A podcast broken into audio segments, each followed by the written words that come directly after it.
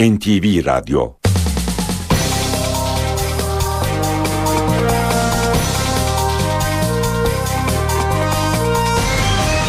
İşe giderken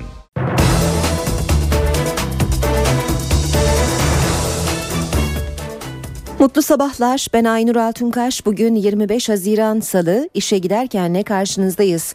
Saat 9'a kadar Türkiye ve dünya gündemindeki gelişmeleri paylaşacağız. Gazete manşetlerini, piyasa verilerini, spor haberlerini, yol ve hava durumlarını aktaracağız. Önce gündemin öne çıkan başlıklarına bakalım.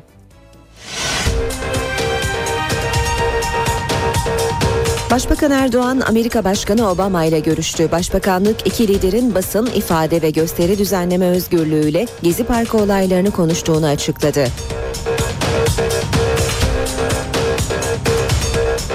Avrupa Birliği bugün Gezi Parkı olaylarından sonra Türkiye için karar verecek. Brüksel'in kararı beklenirken Strasbourg'da da Gezi olayları ve Türkiye özel oturumunda sert bir karar tasarısı oynanacak.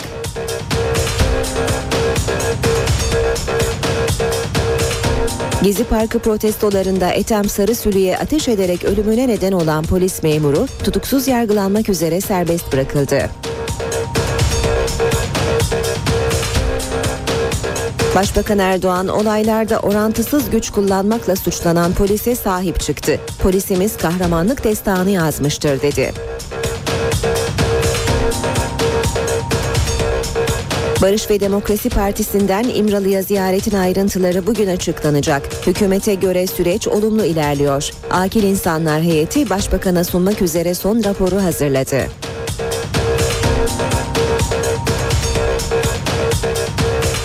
Döviz ve faiz yükseldi, altın düşüyor. Ekonominin uzmanları NTV'de bundan sonra neler olacağını anlattı. Uzmanlara göre zamlar yolda.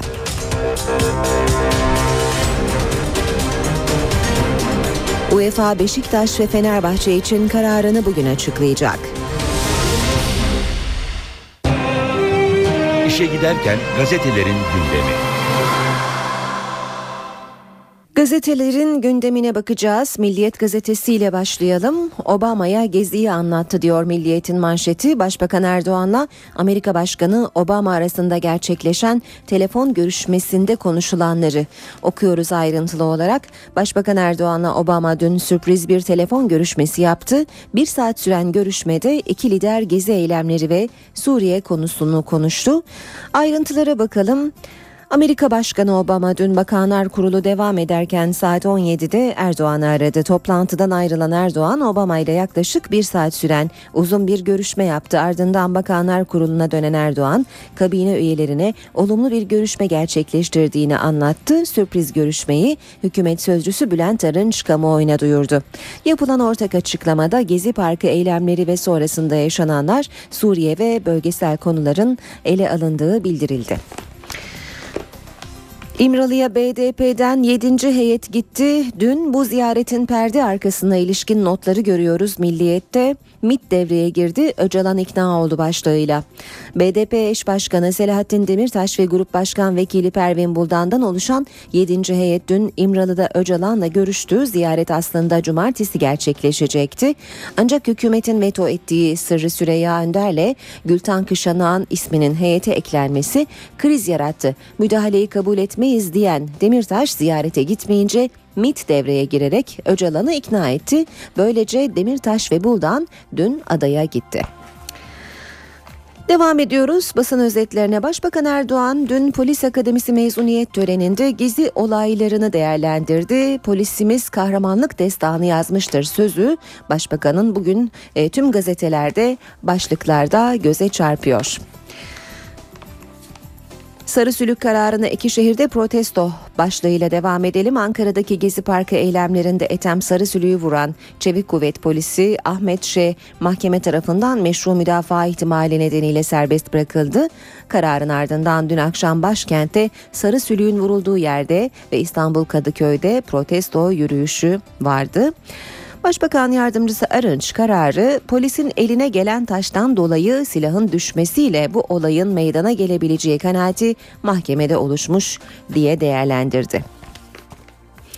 Radikalle devam edelim. Akil insanlardan açıklamaları görüyoruz yine radikalde dün olduğu gibi bugün de. Ahmet Taş getirenin açıklamaları var bu kez. Bağlar kopacaktı başlığıyla yer almış haber Ahmet Taş getiren Kürt meselesinde tam zamanında bu adım atıldı. Aksi halde duygu kopuşu tam anlamıyla yaşanacaktı diyor. Akil insanlardan Ahmet Taş getiren ekonomik maliyet hep hesaplandı fakat asıl önemli toplumsal duygu kopuşlarıydı dedi. Devam edelim e, gazetelerin birinci sayfalarından haberleri.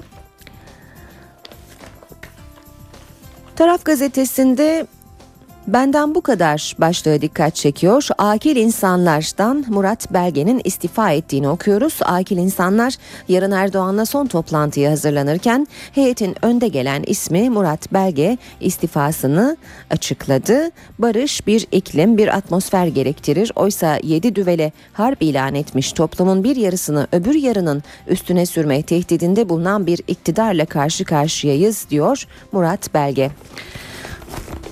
Taraf gazetesinde manşetse kahraman polis destan yazıyor. Başbakanın polisimiz Gezi'de kahramanlık destanı yazdı dediği gün Antalya'da 17 polisin iki genci otoparkta öldüresiye dövdüğü ortaya çıktı. Az sonra Cumhuriyet'te de bu haberi ayrıntılı olarak okuyacağız. Yine taraftan bir başlık 10 ay için 10 aday.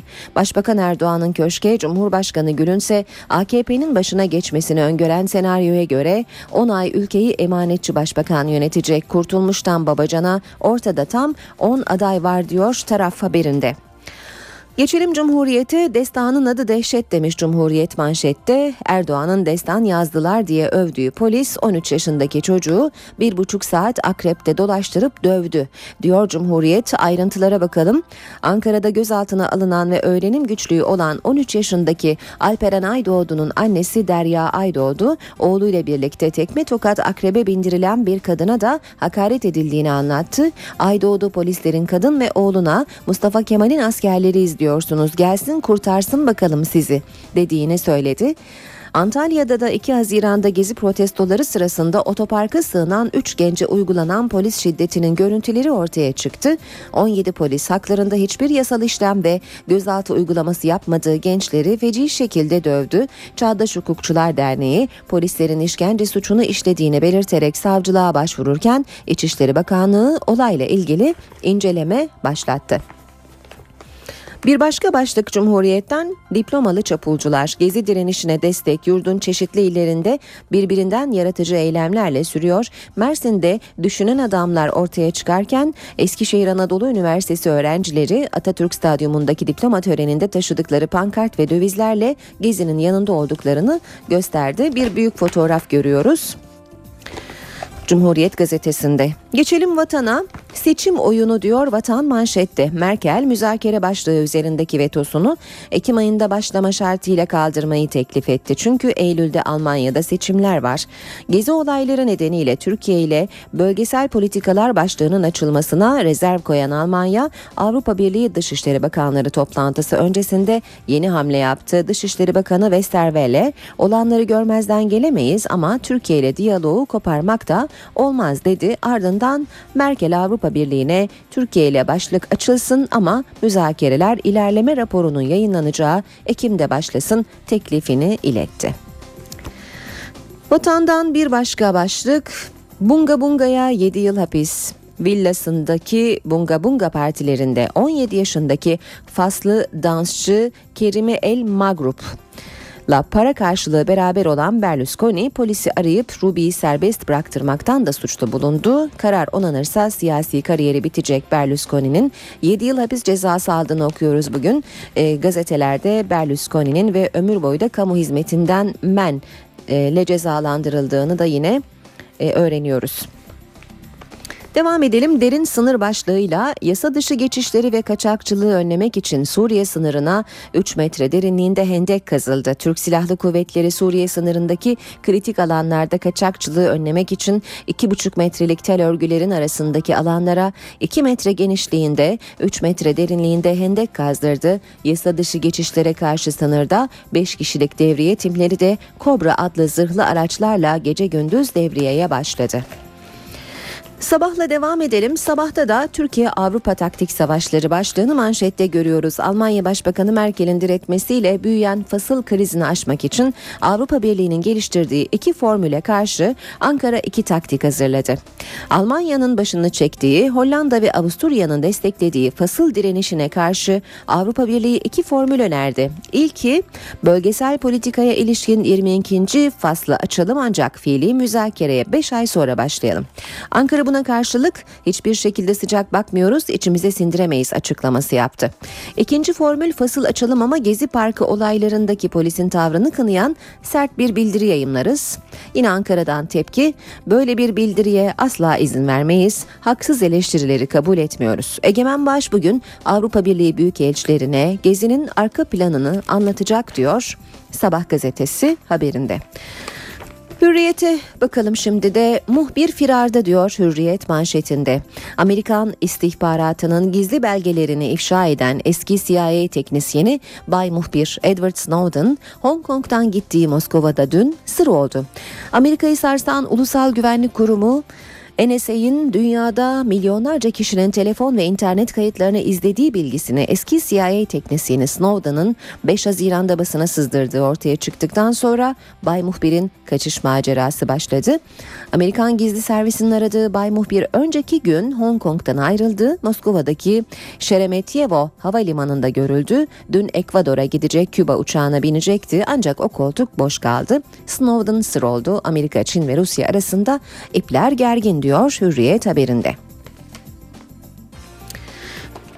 Piyasaları bu kez Çin, Çin çarptı başlığını okuyoruz. Fed açıklamalarının dünyada yarattığı deprem büyüyor. Şangay borsası dün %5 ile çöküş yaşayınca Borsa İstanbul'da etkilendi. BIST 100 endeksi günü %3,37 düşüşle kapattı ve Ekim 2012'den bu yana en düşük seviyeye geldi. Dolar 1.95.80 ile yeni rekor kırdı. Habertürk gazetesinde polis destan yazdı başlığı manşette Erdoğan gezi eylemlerinde eleştirilen polise sahip çıktı, yıprattırmayacağım.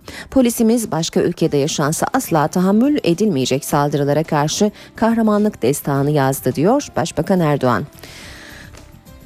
Yeni Şafak gazetesinde manşet daha fazla özgürlük tuzaklara rağmen güvenlikçi politikaya dönmeyiz. Yine Başbakan Erdoğan'ın konuşmasından notları görüyoruz. Erdoğan gezi eylemlerini değerlendirirken özgürlükler ve demokrasi konusunda net konuştu. Geçmişteki gibi güvenliği bahane ederek hukukun çiğnenmesine, demokrasinin duraklamasına, özgürlüklerin kısıtlanmasına asla imkan tanıyamayız. Güvenlikçi politikalara dönmeyiz.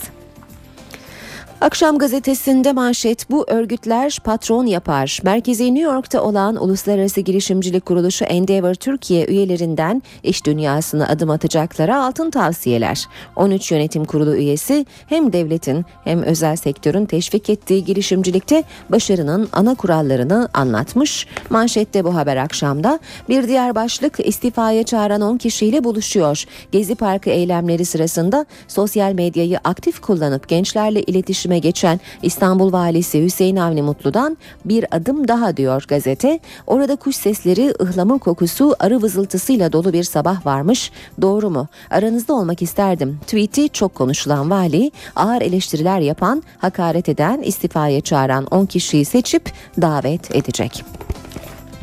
Ve zamanla bitirelim basın özetlerini. Özel okullar Kürtçe eğitim verebilecek diyor manşeti zamanın. Ana dilde eğitim talebine yönelik önemli bir adım atılıyor. Hükümetin önümüzdeki günlerde kamuoyuna açıklayacağı düzenleme özel okullarda Kürtçe eğitime imkan tanıyor. Uygulama diğer diller için de örnek teşkil edecek. Çerkezce, Boşnakça ve Arapça eğitim veren özel okullar da açılabilecek.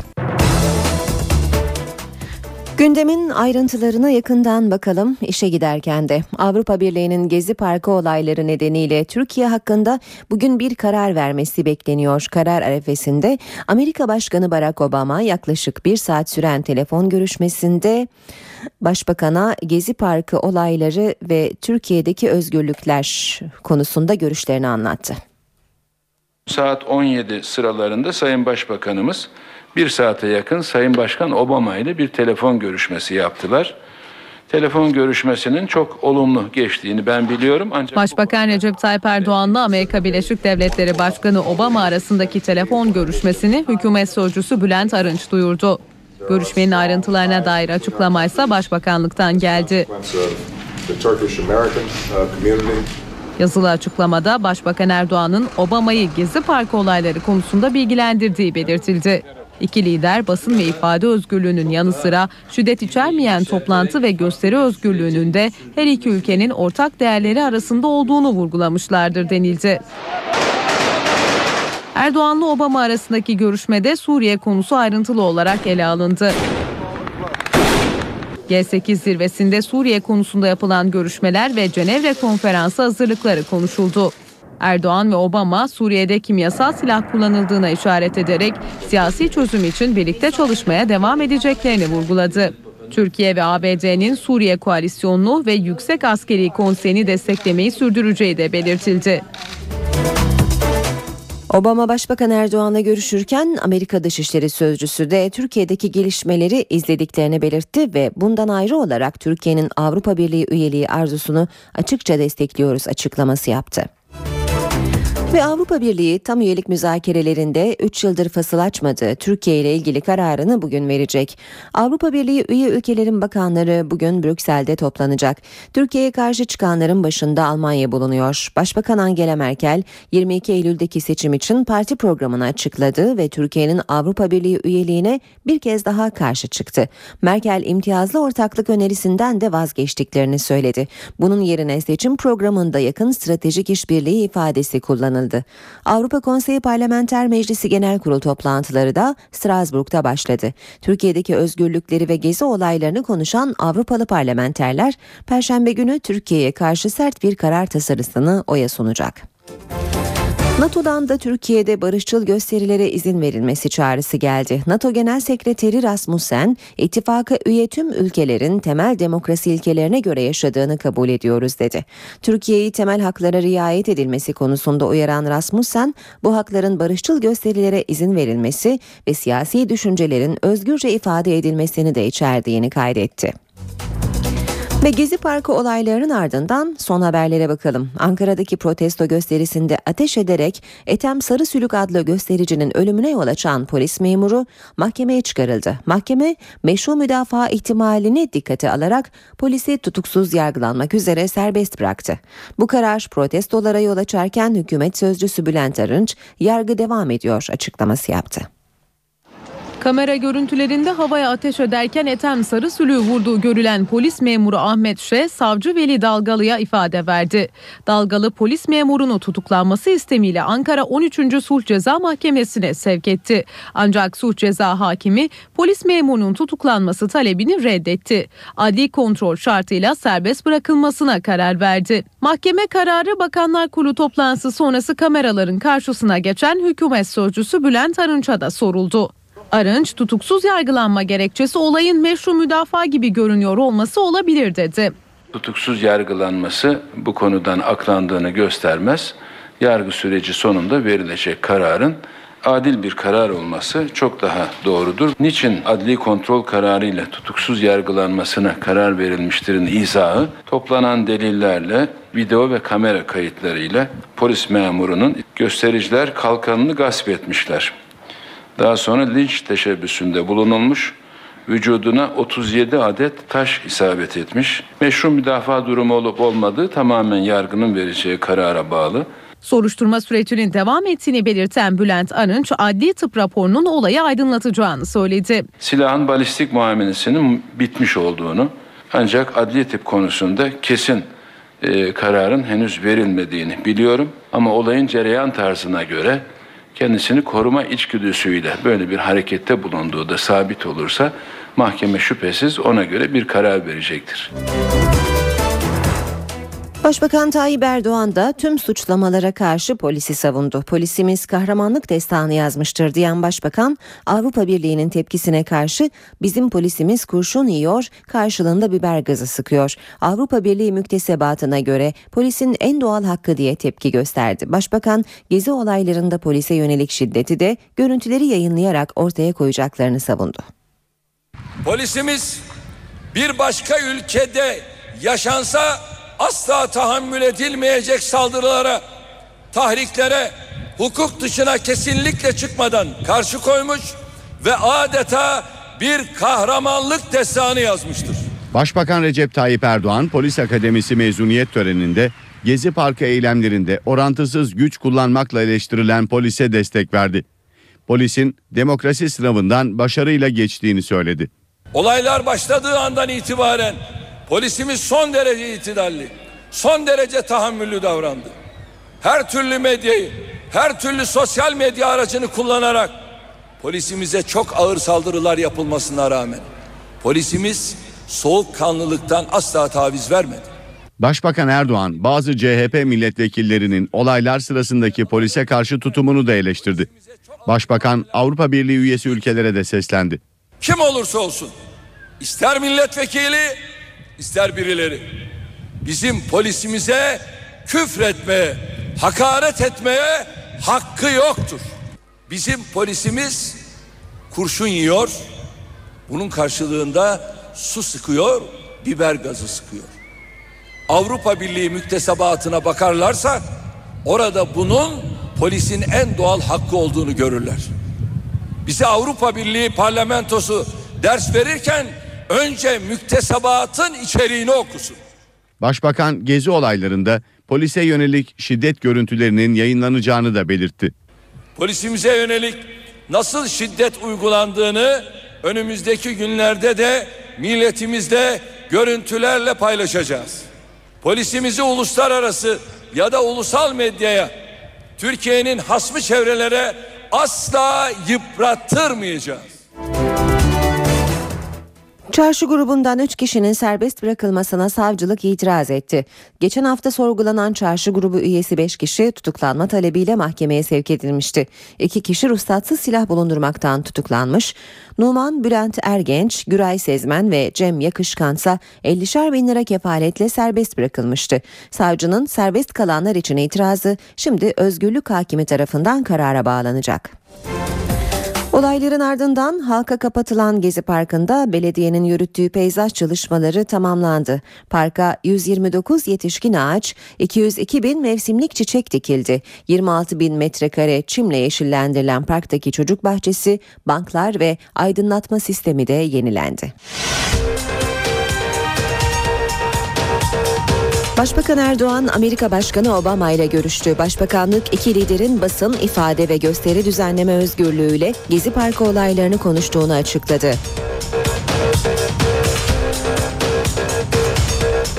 Avrupa Birliği bugün Gezi Parkı olaylarından sonra Türkiye için karar verecek. Brüksel'in kararı beklenirken Strasbourg'da da Gezi olayları ve Türkiye özel oturumunda sert bir karar tasarısı oynanacak.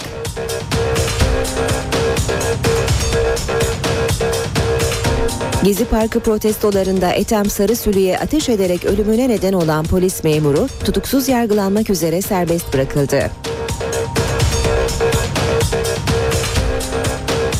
Başbakan Erdoğan olaylarda orantısız güç kullanmakla suçlanan polise sahip çıktı. Polisimiz kahramanlık destanı yazmıştır dedi. Barış ve Demokrasi Partisi'nden İmralı'ya ziyaretin ayrıntıları bugün açıklanacak. Hükümete göre süreç olumlu ilerliyor. Akil İnsanlar Heyeti Başbakan'a sunmak üzere son raporu hazırladı.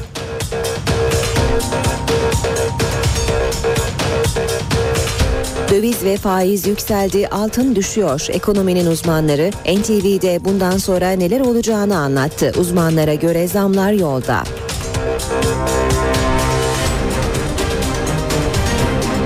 UEFA Beşiktaş ve Fenerbahçe için kararını bugün açıklayacak.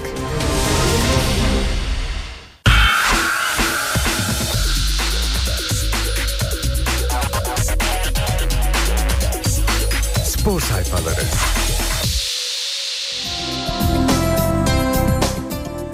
Gazetelerin spor sayfalarına bakacağız şimdi. Büyüklerin gergin bekleyişi. Başlığını Milliyet'ten okuyoruz. Beşiktaş dün UEFA Disiplin Kurulu'ndan gelecek haberi umutla bekledi. Ama siyah beyazlıların Ama siyah beyazlıların yolunu gözlediği karar ulaşmadı. UEFA Kartal ve Fenerbahçe'ye kararı bugün gönderecek.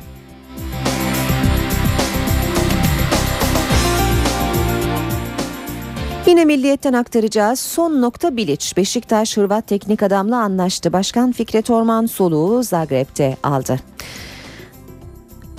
Bielsa, Şaf, Renard diyen Kartal, Slaven Bilic'te karar kıldı. Lokomotiv Moskova'dan gönderilen hocayla önce Önder Özen ve Semih Usta anlaştı. Akşam da Başkan Fikret Orman, Ahmet Nur Çebi, Ahmet Kavalcı Hırvatistan'a gitti. Siyah beyazların iki yıllık anlaşma sağladıkları Bilic'i bugün getirmesi bekleniyor. Devam ediyoruz yine Milliyet gazetesinden aktarmaya. Bekle ve gör. Şampiyonlar Ligi kadrosunu bildirmek için 6 Eylül'e kadar zamanı olan Galatasaray aceleci davranmama kararı aldı. Riera ve Elmander'i göndermek isteyen Aslan, Melo ve Carlinhos'u kadrosuna katmanın hesabını yapıyor. Yine milliyetten başlık gel bakalım Kolombiya. FIFA 20 yaş altı Dünya Kupası'na 3-0'lık El Salvador galibiyetiyle başlayan milli takımımız ikinci maçında Kolombiya ile kozlarını paylaşacak. Liderlik için büyük önem taşıyan karşılaşma Rize Yenişehir Stadında saat 20'de başlayacak. Milliyetten spor haberlerine devam edelim. Çember daralıyor. Dünya sporunun başına illet olan dopingle daha etkili bir savaş yapmaya hazırlanan WADA yeni yılda daha sert tedbirler almaya hazırlanıyor. Uygulanacak yeni önlemler cezalar konusunda ağır kalan Türkiye için de büyük önem taşıyor. WADA yani Dünya Antidoping Ajansı Türk sporunu da pençeleri arasına alan ve özellikle halter ve atletizmin üzerine kabus gibi çöken dopingle daha etkili mücadele edebilmek için çok sert önlemler almaya hazırlanıyor. Uygulanan ağır cezalara karşın dopingle mücadelede bir türlü istediği sonuca ulaşamayan kuruluş dünya sporunu bu illetten kurtarabilmek için topyekün bir savaşa girmeyi planlıyor. Altın Kızlar.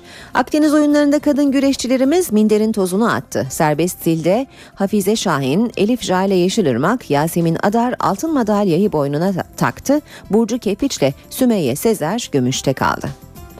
Sultanlar hızlı başladı. A Milli Bayan Voleybol takımımız Akdeniz oyunlarına Slovenya galibiyeti ile girerek süper bir başlangıç yaptı.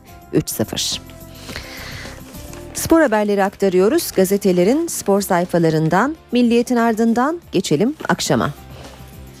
Akşamdan okuyacağımız ilk başlık Kandil'de çok dua ettim. Avrupa'da başarı istediklerini anlatan Beşiktaş Başkanı inanıyorum ki UEFA da Beşiktaş'ın haklılığını tescil edecek inancım odur. Pazar Kandil'de çok dua ettim İnşallah iyi olacak dedi. Yine akşam gazetesinden aktaralım. Kıyamet mi, adalet mi? UEFA Disiplin Kurulu Fenerbahçe'nin de kaderini bugün yazacak.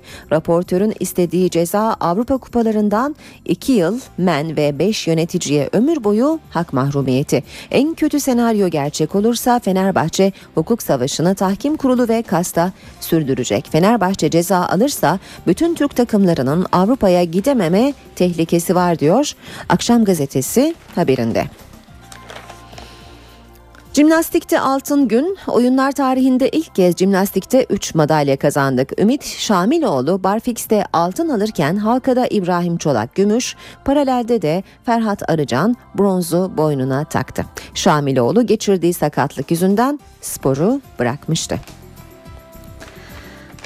Devam ediyoruz. Akşamdan yine bir başlık. Fırtına Derry'sini yüzecek. Bordo Maviller Avrupa Ligi ikinci ön eleme turunda İrlanda'nın Derry City takımıyla eşleşti. İlk karşılaşma 18 Temmuz'da Avni Aker'de oynanacak. Hürriyet gazetesinden spor haberleri aktaralım şimdi de. Okuyacağımız ilk başlık.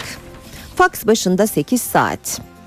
Fenerbahçe ve Beşiktaş yönetimlerinin dün heyecanla beklediği UEFA kararı bugüne kaldı. UEFA Disiplin Kurulu'nun alacağı karar dün saat 21'e kadar beklendi.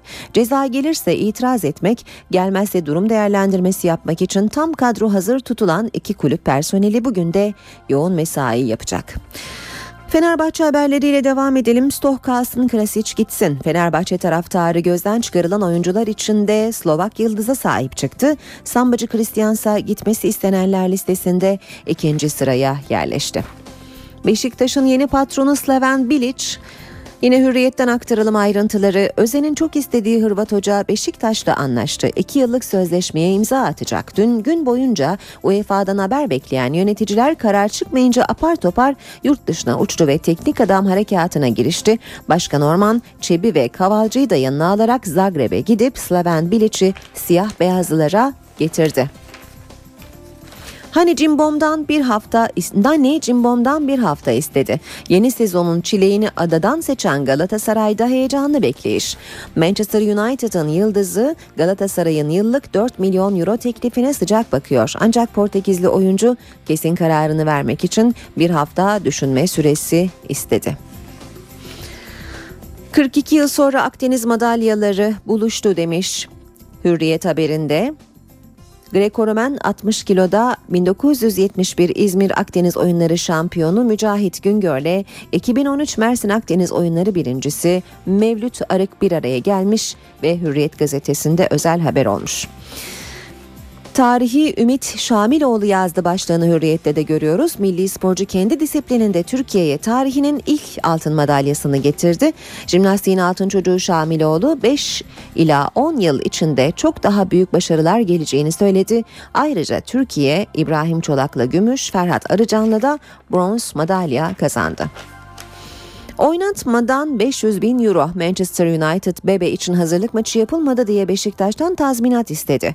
Bebe'nin iki sezon önce kiralanması sırasında Manchester United'la yapılan kira sözleşmesindeki bir madde nedeniyle istenen tazminat Beşiktaş'ı şoke etti. İlk darbe boğalardan Türkiye Avrupa Şampiyonası'ndaki birinci yenilgisini İspanya karşısında aldı. Rakibine farklı mağlup olan Pota'nın perileri E grubunu ikinci sırada tamamladı.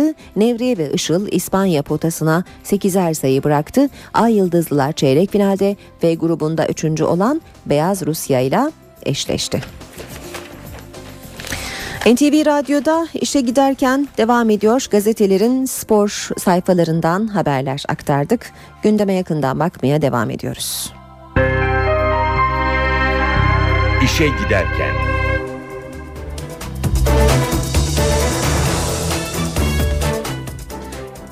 BDP heyeti dün İmralı'ya gitti ancak heyette Öcalan'ın isteğinin aksine İstanbul Milletvekili Sırrı Süreyya Önder yine yoktu. Eş Başkan Selahattin Demirtaş ve BDP Grup Başkan Vekili Pervin Buldan İmralı'ya giderek Öcalan'la görüştüler. Ada dönüşü açıklama yapmayan BDP'lilerin yazılı açıklama yapacağı duyuruldu. Hükümet sözcüsü Bülent Arınç'a göre çözüm süreci güzel bir noktaya doğru ilerliyor. BDP heyeti İmralı Adası'nda Abdullah Öcalan'la 7. görüşmesini yaptı. Adaya BDP eş genel başkanı Selahattin Demirtaş ve BDP Grup Başkan Vekili Pervin Buldan gitti. Son iki görüşmeye BDP İstanbul Milletvekili Sırrı Süreyya Önder'in katılmaması ise tartışmaları da beraberinde getirdi. Başbakan Yardımcısı Arınç Önder'in İmralı'ya giden heyette yer almamasını değerlendirdi. Milletvekillerinin Öcalan'ı ziyaretlerinde elimizdeki hukuki mevzuatı uyguluyoruz. Yani bu kişilerin birinci derece yakınlarından farklı olarak gidip kendileriyle görüşmeleri ancak Adalet Bakanlığımızın iznine tabi. Son iki heyette Sayın Önder'in yer almamış olmasını kendileri bir şekilde izah edebilirler. Ama bizim söyleyeceğimiz Adalet Bakanlığımızın kararı böyle olmuştur. Arınç terörün sona erdirilmesi için başlatılan çözüm süreci sorunsuz bir şekilde ilerliyor dedi. Çok zorlu bir sürecin içerisindeyiz ama sevinerek söylemeliyim ki süreç aynen başladığı gibi belli bir noktaya doğru olumlu bir şekilde seyrediyor. Silahlı unsurların Türkiye'den çıkmaları hala devam ettiğine göre ve bunun belli bir takvim içerisinde de bitirileceği ifade edildiğine göre süreçte bir olumsuzluk var demek bence çok haklı bir şey olmaz. Başbakan yardımcısı PKK'ların komutanları taşıyan helikoptere ateş açmasının süreci olumsuz yönde etkilemeyeceğini söyledi. Akil insanlar heyeti Türkiye'ye dağılıp çözüm sürecine ilişkin nabız yokladılar ve iki ay sonunda izlenimlerini rapor haline getirdiler. Başbakana yarın sunulması beklenen raporlara göre Karadenizliler bölünme ve PKK'lıya af yoksa çözümü destekliyor.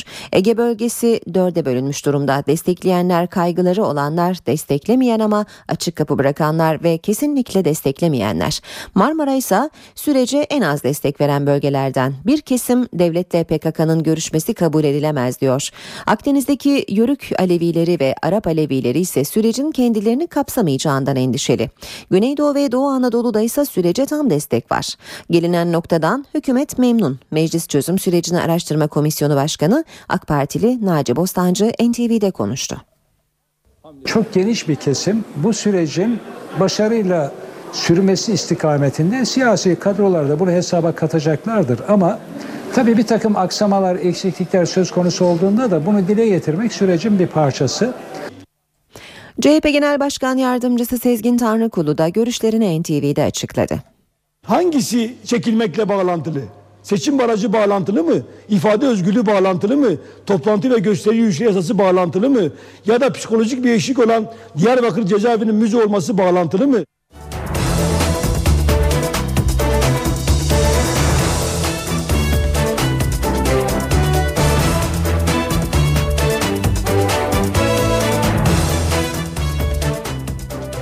Adana valisi Hüseyin Avni Coş ölen bir çocuğun ailesine maddi yardımda bulunduğu için usulsüz harcama yaptığı suçlamasıyla şikayet edildi. Vali Coş beynindeki tümör nedeniyle ameliyat olan 6 yaşındaki Utku Yücel'in tedavisine destek oldu. Ancak küçük çocuk operasyondan kısa bir süre sonra hayatını kaybetti. Bu süreçte acılı aileyi yalnız bırakmayan Adana valisi Sosyal Yardımlaşma ve Dayanışma Vakfı'ndan çocuğun cenaze masraflarını da karşıladı. Bu nedenle usul usulsüz harcama yaptığı gerekçesiyle etik kuruluna şikayet edilen vali iddialara karşı vicdanıyla hareket ettiğini söyledi. Bugün olsa yine yaparız dedi. NTV Radyo Herkese yeniden günaydın. Ben Aynur Altunkaş. Yeni saatin başlangıcında Gökhan Abur'la son hava tahminlerini konuşacağız. Önce gündemin başlıklarını hatırlatalım.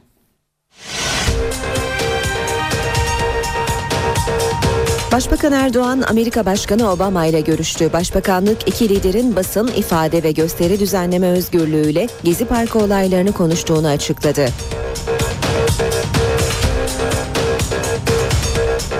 Avrupa Birliği bugün Gezi Parkı olaylarından sonra Türkiye için karar verecek. Brüksel'in kararı beklenirken Strasbourg'da da Gezi olayları ve Türkiye özel oturumunda sert bir karar tasarısı oynanacak.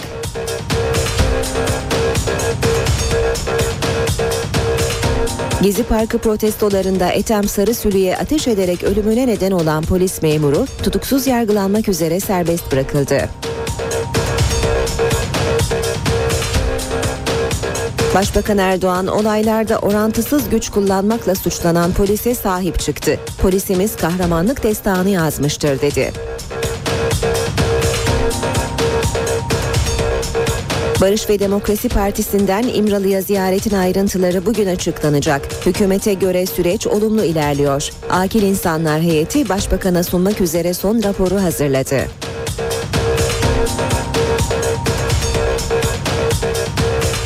Döviz ve faiz yükseldi, altın düşüyor. Ekonominin uzmanları NTV'de bundan sonra neler olacağını anlattı. Uzmanlara göre zamlar yolda.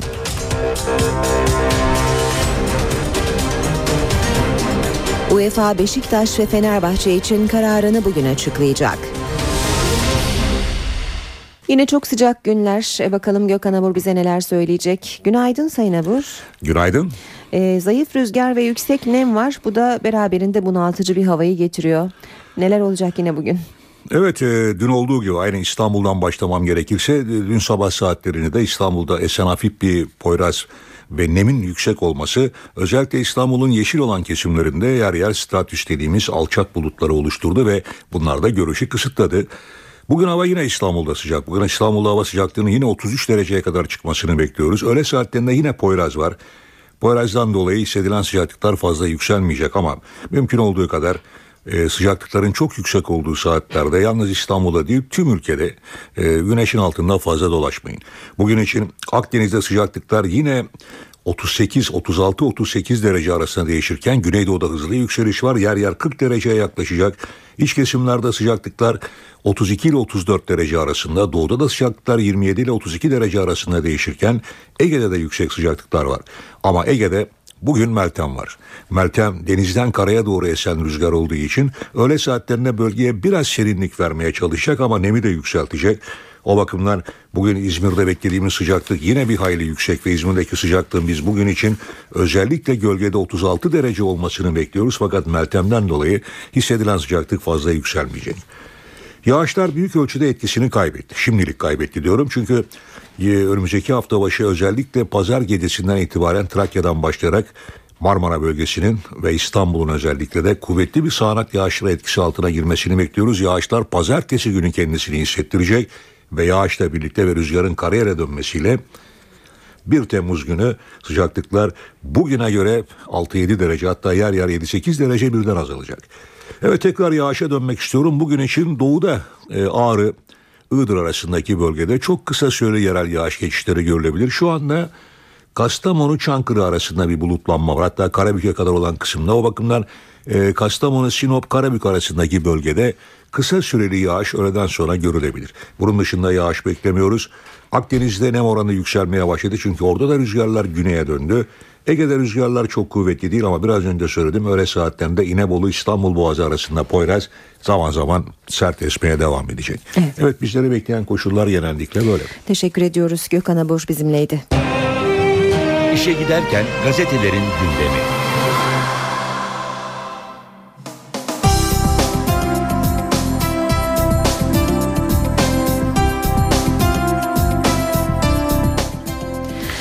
Şimdi gündemdeki gelişmelerin gazetelerdeki yankılarına bakalım. Başbakan Erdoğan'la Amerika Başkanı Obama arasındaki telefon görüşmesini Milliyet manşetine e, çekmiş Obama'ya geziyi anlattı başlığıyla. Erdoğan'la telefonda bir saat görüştü. Obama Erdoğan'la dün sürpriz bir telefon görüşmesi yaptı. Bir saat süren görüşmede iki lider gezi eylemleri ve Suriye konusunu konuştu. BDP'den 7. heyet dün İmralı'ya gitmişti. Bu ziyaretin perde arkasını okuyoruz Milliyet'te. MİT devreye girdi, Öcalan ikna oldu başlığıyla.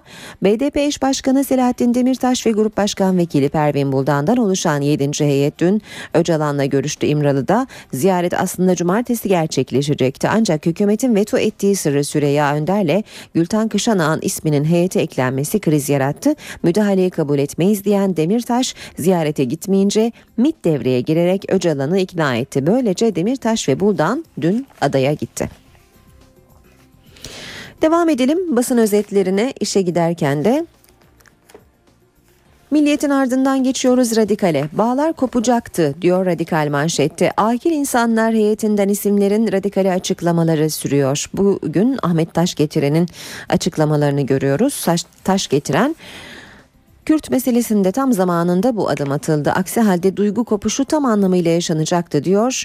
Ekonomik maliyet hep hesaplandı fakat asıl önemli toplumsal duygu kopuşlarıydı. Açıklamasını yapmış Ahmet Taş getiren. Karadeniz grubundan da Fatma Benli'nin gözlemleri var. Evladını vermiş ama barış isteyen şehit aileleri çok etkileyiciydi diyor Fatma Benli. Devam ediyoruz basın özetlerine. Radikal gazetesinin ardından Geçelim Taraf gazetesine. Tarafta da bir akil insanı Mehmet Belge'nin, e, Murat Belge'nin istifasını okuyoruz. Benden bu kadar başlığıyla akil insanlar yarın Erdoğan'la son toplantıya hazırlanırken heyetin önde gelen ismi Murat Belge istifasını açıkladı. Bugünkü yazısında da istifasının gerekçelerini anlatmış. Murat Belge ve gezi olaylarından da bahsetmiş. Bu süreçte hükümetin e, tutumuna karşı olarak da istifa kararı aldığını özetliyor Murat Belge. Tarafta manşetse kahraman polis destan yazıyor. Başbakanın polisimiz Gezi'de kahramanlık destanı yazdı dediği gün Antalya'da 17 polisin iki genci otoparkta öldüresiye dövdüğü ortaya çıktı. Tarih 2 Haziran saat 2.40 yer Antalya Belediyesi'ne ait otopark Gezi Parkı eylemlerine katılan 3 gençten ikisi sığındıkları otoparkta coplarla dövüldü diyor e, taraf. Bu haberi Cumhuriyet'te de ayrıntılı olarak görüyoruz bugün. Bir diğer başlık 10 ay için 10 aday Başbakan Erdoğan'ın köşke Cumhurbaşkanı Gül'ün ise AKP'nin başına geçmesini öngören senaryoya göre 10 ay ülkeyi emanetçi başbakan yönetecek. Kurtulmuştan Babacan'a ortada tam 10 aday var diyor taraf haberinde. Geçelim Cumhuriyet'e. Cumhuriyet'te manşet destanın adı dehşet. Erdoğan'ın destan yazdılar diye övdüğü polis 13 yaşındaki çocuğu bir buçuk saat akrepte dolaştırıp dövdü. Ankara'da gözaltına alınan ve öğrenim güçlüğü olan 13 yaşındaki Alperen Aydoğdu'nun annesi Der, e, Derya Aydoğdu oğluyla birlikte tekme tokat akrebe bindirilen bir kadına da hakaret edildiğini anlattı. Aydoğdu polislerin kadın ve oğluna Mustafa Kemal'in askerleri izliyorsunuz gelsin kurtarsın bakalım sizi dediğini söyledi. Antalya'da 2 Haziran'da gezi protestoları sırasında otoparka sığınan 3 gence uygulanan polis şiddetinin görüntüleri ortaya çıktı. 17 polis haklarında hiçbir yasal işlem ve gözaltı uygulaması yapmadığı gençleri feci şekilde dövdü. Çağdaş Hukukçular Derneği polislerin işkence suçunu işlediğini belirterek savcılığa başvururken İçişleri Bakanlığı olayla ilgili inceleme başlattı. Etemi vuran polis serbest demiş Cumhuriyet. Ankara'daki Gezi Parkı protestosunda Etem Sarısülü'yü başından vurduğu için tutuklama istemiyle mahkemeye sevk edilen polis Ahmet Şahbaz serbest bırakıldı deniyor haberin ayrıntılarında. Devam ediyoruz basın özetlerine işe giderken de Habertürk'e bakalım şimdi. Habertürk'te polis destan yazdı. Başlığı manşette. Başbakan Erdoğan dün polis akademisi mezuniyet töreninde gezi olaylarını değerlendirdi e, ve polisin destan yazdığını söyledi. Bu sözü hemen hemen tüm gazetelerde başlıklarda görüyoruz. Polisimiz başka ülkede yaşansa asla tahammül edilmeyecek saldırılara karşı kahramanlık destanı yazdı. Polisi Türkiye'nin hasmı çevreleri asla yıprattırmayacağız dedi Başbakan Erdoğan. Sırada Yeni Şafak var. Yine Başbakan Erdoğan'ın açıklamalarını görüyoruz. Daha fazla özgürlük başlığıyla. Başbakan Erdoğan gezi eylemlerini değerlendirirken özgürlükler ve demokrasi konusunda net konuştu. Geçmişteki gibi güvenliği bahane ederek hukukun çiğnenmesine, demokrasinin duraklamasına, özgürlüklerin kısıtlanmasına asla imkan tanıyamayız. Güvenlikçi politikalara dönmeyiz dedi Başbakan Erdoğan. Sırada Vatan Gazetesi var. Vatan Gazetesi'nde manşet seçim oyunu. Merkel müzakere başlığı üzerindeki vetosunu Ekim ayında başlama şartıyla kaldırmayı teklif etti. Çünkü Eylül'de Almanya'da seçimler var diyor Vatan Gazetesi haberinde. Yine pek çok gazetede gördüğümüz bir haber Eski İtalya Başbakanı Silvio Berlusconi ile ilgili yargı süreci sona erdi ve 7 yıl hapse mahkum oldu fuhuştan.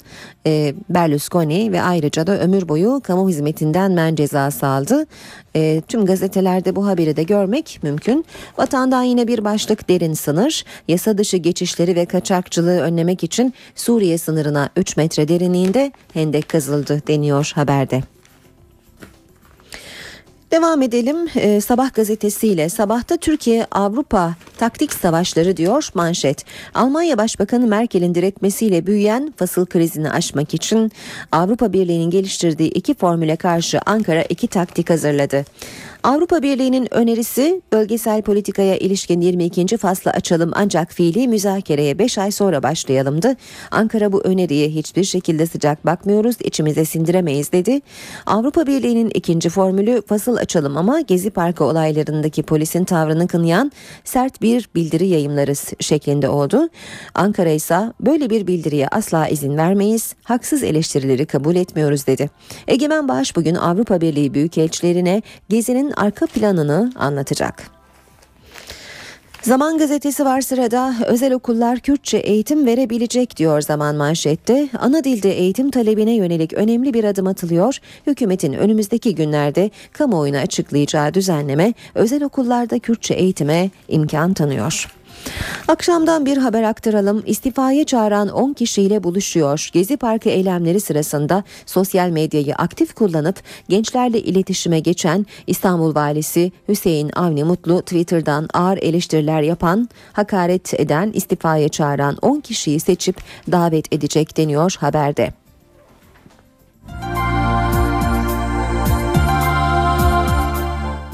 Ve son olarak Hürriyet gazetesine bakacağız. Hürriyette manşet muhbir firarda. Amerikan istihbaratının gizli belgelerini ifşa eden eski CIA teknisyeni Bay Muhbir Edward Snowden Hong Kong'tan gittiği Moskova'da dün sır oldu. Etem için yürüyüş başlığıyla bitirelim. Ankara'daki Gezi Parkı eylemlerinde kafasından kurşunla öldürülen Etem Sarısülü'yü vuran polis mahkemede meşru müdafaa gerekçesiyle bırakıldı.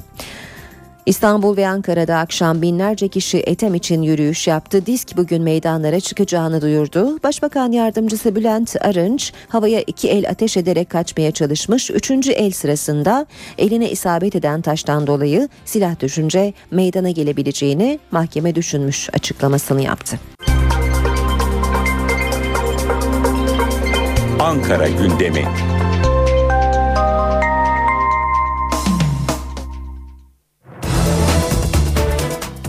İşe giderken de bu bölüme başkent gündemiyle e, başlıyoruz. Bugün Avrupa Birliği ile ilişkilerde kritik gün. Çözüm sürecinde gelişmeler var. Peki Ankara'nın gündeminde ne var? NTV muhabiri Ercan Gürses aktaracak. Ercan günaydın. Günaydın, kolay gelsin. Önce Avrupa Birliği başlığıyla e, devam edelim. Ne bekliyoruz? Ankara ne bekliyor Avrupa Birliği'nden? Ne yapacak? Neler söylersin? Öncelikle Ankara Avrupa Birliği'nden olumlu bir karar beklediğini dün hükümet sözcüsü Bülent Arınç'ın ağzından açıkladı. Avrupa Birliği'nin siyasallaşmaması, ülkelerin siyasal olmayan kararlar vermesi gerektiğini, özellikle ırkçı yaklaşımlardan kaçınması gerektiğini işaret ettiler. Gezi Parkı eylemleri nedeniyle Ankara ve Avrupa Birliği arasında gerilim yaşanmıştı. Polisin oransız güç kullandı. Avrupa Birliği çevreleri tarafından ifade edilmişti. Bugün Ankara'da hem grup toplantılarında değerlendirme var hem Milli Güvenlik Kurulu toplantısında olabilir hem de aynı zamanda Avrupa Birliği Bakanı Egemen Bağış'ın Avrupa Birliği'nin Ankara Büyükelçileriyle yiyeceği bir öğle yemeği var. O yemekte de bu konu gündeme gelebilir. O kadar gerildi ki ilişkiler fasılların açılıp açılmayacağı konuşulmaya başlandı. Bugün itibariyle fasılın açılmaması konusunda Almanya'nın yaptığı telkinlerden bahsediliyor. Avrupa Konseyi'nin genel sekreteri de Ankara'da Jarnat Başbakan Erdoğan'la görüşecek. Bu bağlamda Avrupa Birliği gündemi Gezi Parkı gündemi kadar da önemli hale gelmiş görünüyor. Peki Milli Güvenlik Kurulu dedik. Gezi Parkı dışında kurulun diğer gündem maddeleri neler olacak? Dört önemli madde söz konusu olabilir. Gezi Parkı, çözüm süreci, Avrupa Birliği ve Suriye Milli Güvenlik Kurulu toplantısının gündem başlıkları. Tabii Gezi Parkı eylemlerinden sonraki ilk Milli Güvenlik Kurulu. Dolayısıyla bu açıklamaya doğrudan eylemler olarak değil ama asayiş olarak yansıyabilir. Çözüm sürecinde ikinci aşamaya geçildiği biraz önce BDP heyetiyle görüşen Abdullah Öcalan tarafından bir mesajla duyuruldu. O ikinci aşamayı sürdürmekte kararlı olduğunu da ifade etti İmralı. Dolayısıyla çözüm süreci görüşülecek, Suriye görüşülecek. Bu konular arasında Avrupa Birliği ile kritik bir aşamada olunması da Milli Güvenlik Kurulu'nun önemli bir gündem başlığı olarak karşımıza çıkıyor. E, Öcalan'ın mesajından bahsettim. Biraz daha açabilir misin Ercan? Dün e, BDP'nin 7. heyeti görüşmüştü. Nasıl bir açıklama var Öcalan'dan? Aslında bu bir son dakika gelişmesi olarak da aktarabileceğimiz bir durum. Yaklaşık 5 dakika önce BDP tarafından yapılan bir açıklamaydı bu. BDP heyeti dün Abdullah Öcalan'la görüşmüştü ve o görüşmenin ardından Öcalan'a atfen, Öcalan'ın ağzından bir mektup yayınladılar. O mektup şunu diyor, çözüm sürecinde ikinci aşamaya geçtik ve yine Abdullah Öcalan diyor ki çözüm sürecini sürdürmekte kararlıyım engellemelere rağmen. Bu önemli bir aşama. Abdullah Öcalan aynı zamanda devlete ikinci aşamayla ilgili önerilerini sunduğunu, bu önerilerin dikkate alınması gerektiğini, şeffaf bir şekilde sürecin yürütülmesini ve bu sürece herkesin katkıda bulunmasını da istiyor. Her hafta düzenli olarak görüşlerini kamuoyuna açıklama yönünde de bir talebi söz konusu. Öcalan'ın şu sözü dikkat çekici, süreci sürdürmeye kararlıyım. Her türlü engellemelere rağmen dolayısıyla en önemli mesaj, en önemli aşama çözüm sürecinde ikinci aşama ve çözüm sürecini sürdürmekte İmralı'nın kararlılığı olduğuna dair mesajlar. Bu arada İmralı'nın sürekli olarak BDP heyetiyle görüşmek ve kamuoyuna açıklama yapmak yönünde de bir talebi olduğunu bu açıklamadan görüyoruz. Evet peki e, gündemde takip edeceğiniz diğer başlıklar neler olacak Ercan? Valla Milli Güvenlik Kurulu dışındaki en önemli başlık şüphesiz bugün salı olması nedeniyle Ankara'da grup toplantıları var. AK Parti, CHP, MHP ve BDP mecliste grup toplantıları yapacak. Liderler dört önemli gündem başlığında biraz önce bahsettiğim gündem başlığı altında konuşacaklar. Tabii bütün bunların dışında Ankara'da UEFA'dan gelecek haber de yakından takip edilecek. Fenerbahçe ve Beşiktaş'la alakalı. Bunu da hatırlatalım. Mecliste grup toplantıları var dedik. Önemli bir konuk var. Yagland biraz önce söyledik. Başbakan Erdoğan'la görüşecek. Aile ve Sosyal Politikalar Bakanı ile görüşecek. Egemen Bağış'ın yemeği var. Onun dışında bakanların rutin programları var. Ama şu da önemli bir başlık. Danıştay Başkanı Hüseyin Karakullukçu renkli bir isimdi. Özellikle kamuoyuna verdiği mesajlar itibariyle onun görev süresi doldu. Danıştay'da seçim yapılacak. E, Karakullukçu'nun yerine seçilecek ismin de 8 yıl Danıştay üyeliği yapması gibi bir koşul söz konusu. Tabii o üye seçimi konusunda henüz bir aday çıkmadı. Üye adayları çıktıktan sonra e, e, başkan adayları diye düzeltiyorum. Başkan adayları çıktıktan sonra seçim yapılacak ve salt çoğunluğun oyunu alanda yeni Danıştay Başkanı olacak. Ankara'nın meşgul olduğu bir gündem maddesi de bu olacak. Ercan teşekkür ediyoruz. Kolay gelsin. İşe giderken. Ekonomi başlığıyla devam edelim. Amerikan Merkez Bankası Başkanı'nın açıklamalarıyla sarsılan piyasalar dün de hareketli seanslar yaşadı. Merkez Bankası'nın dolara müdahalesine rağmen borsa ikinci seansın sonlarına doğru sert bir düşüşte 70 bin rakamlara kadar geriledi. Dolar da tarihinde ilk kez 1.95 liranın üzerine çıkarak rekor kırdı. Dolar en yüksek 1.95 seviyesine kadar yükseldi. Euro ise 2.55'ten işlem gördü. Birazdan bu sabahın rakamlarını da aktaracağız.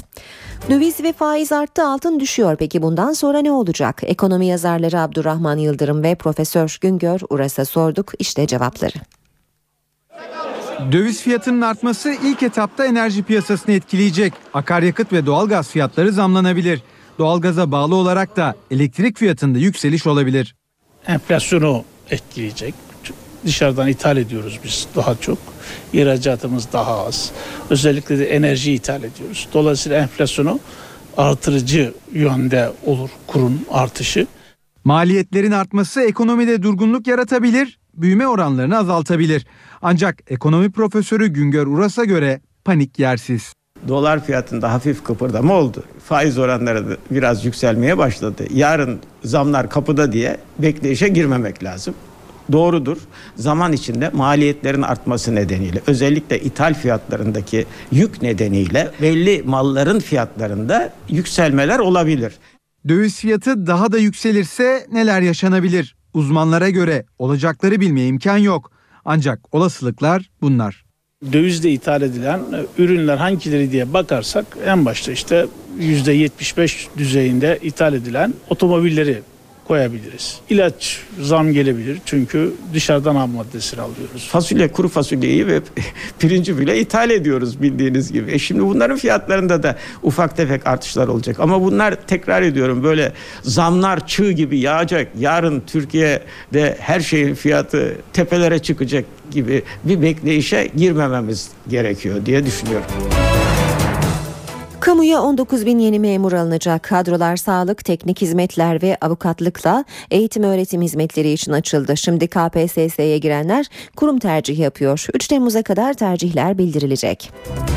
Cep telefonu görüşmeleri artık daha ucuz olacak. Bilgi Teknolojileri ve İletişim Kurumu cep telefonlarında konuşma ücretlerini %20 oranında düşürdü. Temmuz ayında yürürlüğe girecek indirim kararının sektörde rekabetin sürdürülebilir ve kalıcı olması için alındığı bildirildi.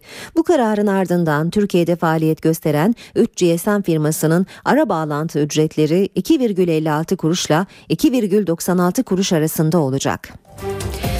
Çevre ve Şehircilik Bakanlığı toplumsal alanlardan atık yağ toplayacak. 1 litresi 1 milyon litre içme suyunu kirleten atık yağların geri dönüştürülmesi için Temiz Çevre Engelsiz Hayat projesi başlatıldı. Proje kapsamında belediye binaları, PTT şubeleri, okullar, muhtarlıklar, camiler ve konutlardan bitkisel atık yağlar toplanacak. 300 bin tonluk atık yağın dönüştürülmesinin hedeflendiği projeden elde edilecek gelirse engelli vatandaşların işitme cihazı, tekerlekli sandalye sandalye ve protez gibi ihtiyaçları için kullanılacak. Atık yağ toplama bidonları Haziran ayı sonuna kadar pilot bölge seçilen İstanbul'da merkezi noktalara yerleştirilecek.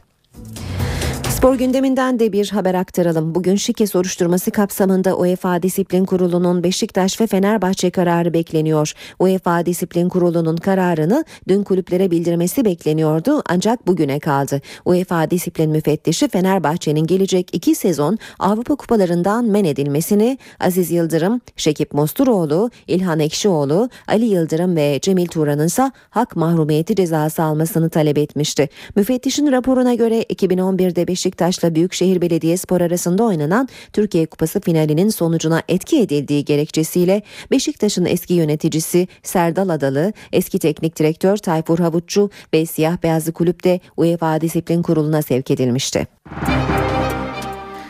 Ve piyasalar borsa günlük bazda %3,37 değer kaybetti. BIST 100 endeksi 2461 puan eksi de 70.640 puandan kapattı kapandı. Bu sabah dolar 1.95, euro 2.55'ten işlem görüyor. Euro dolar 1.31, dolar yen 97 seviyesinde. Altının onsu 1278 dolar, kapalı çarşıda külçe altının gramı 81, Cumhuriyet altını 531, çeyrek altın 135 liradan satılıyor. Brent petrolün varili 101 dolar. Başbakan Erdoğan Amerika Başkanı Obama ile görüştü. Başbakanlık iki liderin basın, ifade ve gösteri düzenleme özgürlüğüyle Gezi Parkı olaylarını konuştuğunu açıkladı.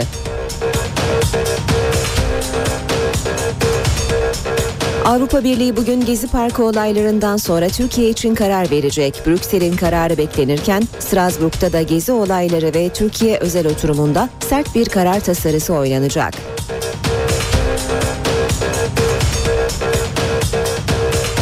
Gezi Parkı protestolarında Ethem Sarısülü'ye ateş ederek ölümüne neden olan polis memuru tutuksuz yargılanmak üzere serbest bırakıldı. Başbakan Erdoğan olaylarda orantısız güç kullanmakla suçlanan polise sahip çıktı. Polisimiz kahramanlık destanı yazmıştır dedi. Barış ve Demokrasi Partisi'nden İmralı'ya ziyaretin ayrıntıları bugün açıklanacak. Hükümete göre süreç olumlu ilerliyor. Akil İnsanlar Heyeti Başbakan'a sunmak üzere son raporu hazırladı.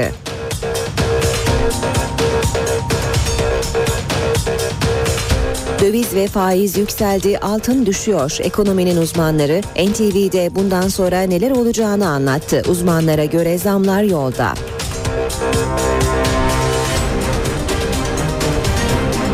UEFA Beşiktaş ve Fenerbahçe için kararını bugün açıklayacak.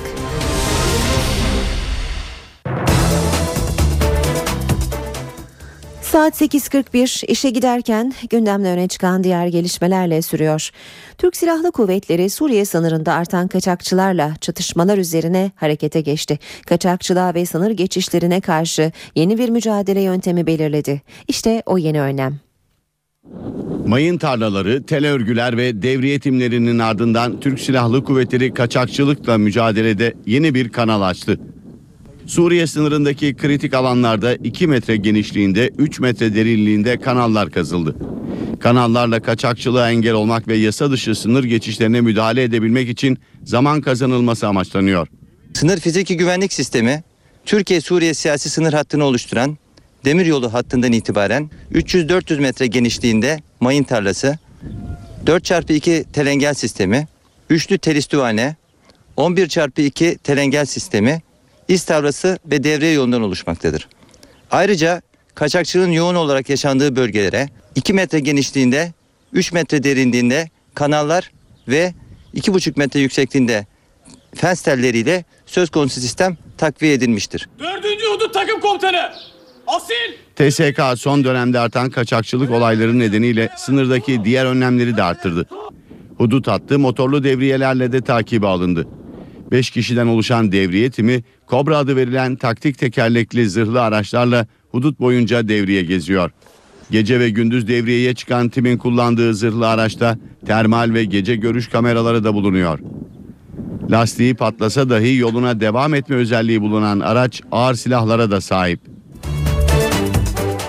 Dünyanın gündemine geçelim. Irak'ın başkenti Bağdat'ta bombalı gece. Bomba yüklü 10 araç Bağdat'ın farklı bölgelerinde patlatıldı. Toplam 39 kişi hayatını kaybetti. Mezhep çatışmasına sürüklenmesinden endişe edilen Irak'ta geçen ayki saldırılarda binden fazla Iraklı yaşamını yitirmişti.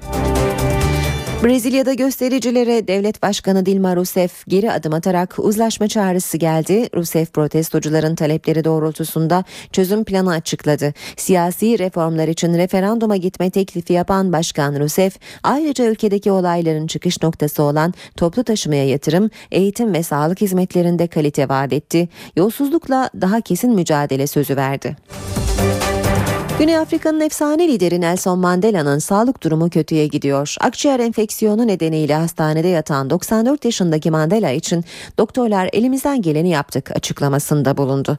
Güney Afrikalılar hayatını ırkçılıkla, ayrımcılıkla mücadeleye adayan Mandela için dua ediyor.